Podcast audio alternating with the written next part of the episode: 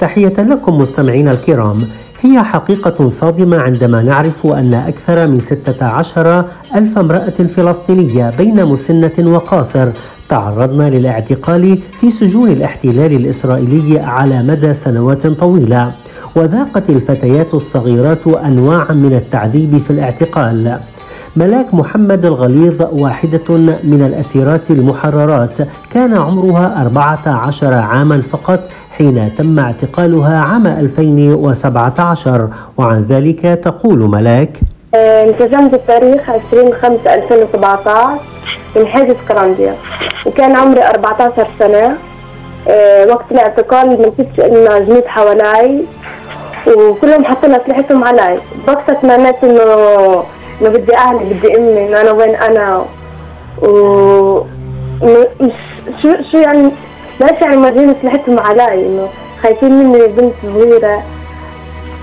كان الناس يصرخوا هيك ويحكوا الطخاس بنت صغيرة. ف فالجندي بيحكي لي بآخر لحظة هو يعني بعد ما دخلت بعد ما اعتقلني حكى لي بآخر لحظة غيرت رأيي ورشيت عليك غزل فلفل آه، لا يعني خلص علبة الغزل فلفل بوجهي حسيت وجهي زي كأنه انحرق فقعدت على الأرض. اجوا جنديين وحطوني على الأرض بيكرموني على الأرض وكيدوا ايدي من ورا. بعديها دخلوني على الحجز على الحاجز جوا. كان في ملامي جنود آه قعدوا كل واحد منهم يتمسخر علي. اعتقال ملاك سبقه آلاف الاعتقالات لمثيلاتها خلال عقود مضت ففي عام 1987 سجلت أكبر عمليات الاعتقال للنساء والفتيات خلال فترة الانتفاضة الفلسطينية الأولى انتفاضة الحجارة إذ وصل عدد المعتقلات الفلسطينيات إلى نحو ثلاثة آلاف فلسطينية. وفي العام 2000 وصل عدد حالات الاعتقال بحق النساء الفلسطينيات إلى نحو 900 وذلك خلال الانتفاضة الثانية انتفاضة الأقصى. ومع انطلاقة الهبة الجماهيرية الفلسطينية نهاية عام 2015 تصاعدت الاعتقالات في صفوف الفلسطينيات وكان من بينهن الأسيرة المحررة استبرق نور التي جرى اعتقالها وهي في سن الرابعة عشرة وعن ذلك تستذكر استبرق فتقول 21 10 2015 إيه تم اعتقالي. إيه إيه أطلقوا علي رصاص واعتقلوني من بجانب مستوطنة السهار إيه مسكت رصاصة بإيدي وبإجري سبايا.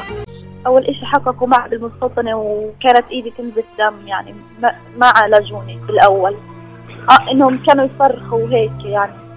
وإنه كانوا يحكوا لي طول الوقت إنه بدنا نهدم داركم ويخوفوني إنه إنه يحاولوا يهبطوا من معنوياتي وإشي. إيه تعاملوا معي هيك عشان اعترف أو إشي أو إنه أحكي إشي أنا مش عامله. كانت فترة الحكم عشرين شهر. عادي ولا زعلت ولا إشي وبالعكس. كنت كنت أضحك. لما أضحك بقهرهم. تم نقلي لسجن هاشرون بعد ما طلعت من عزل العسقلان والرملة. كانت ظروف سجن هاشرون أحسن من من من الرملة وعسقلان بكثير تعرفت على الأسيرة لينا البربونة ويعني كثير أسيرات كانوا كثير كثير مناح ما شاء الله عليهم. الله يفرجها عليهم يا رب. كنا نستغل الفرصة كنا نتعلم إنه نحاول نتعلم رغم رغم الظروف اللي إحنا كنا فيها. نحاول إنه قدر الإمكان نساند بعض نوقف مع بعض في الأوقات الصعبة إنه بعاد عن أهلنا نواسي بعض. زي هيك ونحاول إننا نتعلم إحنا بطريقتنا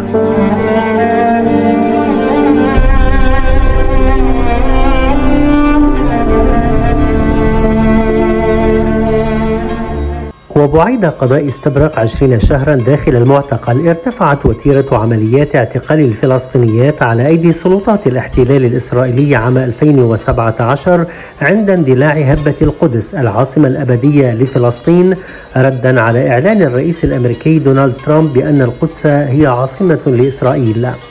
واستمرت خلال عام 2018 حملة الاعتقالات وشهدت ارتفاعا في اعتقال الفلسطينيات وخاصة المرابطات في المسجد الأقصى الشريف. وتواصلت أيضا خلال العام 2019 حيث اعتقلت سلطات الاحتلال الإسرائيلي خلال ذلك العام نحو 110 فلسطينيات. تلك الاعتقالات وما سبقها كانت تتسم بالعشوائية حتى طالت طالبات المدارس ومن بينهن الطالبة ديما الواوي حيث تقول طالعة على المدرسة بعدين صار راسي صار يوجعني. راسي صار يوجعني. بعدين رحت عند أمي عشان أروح عندها على الدار. قلت ما هو أمي قالت قبل بيوم حكي إنه بدي أروح على الأرض وإحنا ارضنا غاد وما عمريش رحت عليها عشان هذا بعرف شلون هي. ورحت على هناك يعني اللي هي على الأرض. وبعدين رحت وصلت واعتقلوني اليهود. وأنا بعرفش إنه يعني هيك إنه ما شفتش أهلي وقتها وظلت أدور عليهم وأنا ما شفتهم. يعني آه آه اليهود لما اعتقلوني آه ضربوني.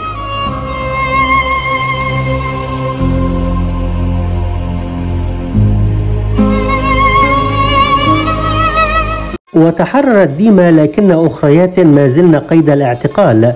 ففي العام 2020 ارتفعت وتيرة الاعتقالات والعقوبات بحق الأسيرات الفلسطينيات واعتقلت سلطات الاحتلال حينها نحو 128 من النساء أما في العام 2021 فاعتقلت سلطات الاحتلال نحو 184 وفي العام 2022 كانت الحصيلة قرابة 172 حالة اعتقال بين النساء لكن إيرادات الأسيرات كانت دائما وستبقى هي المنتصرة على السجان مهما طغى.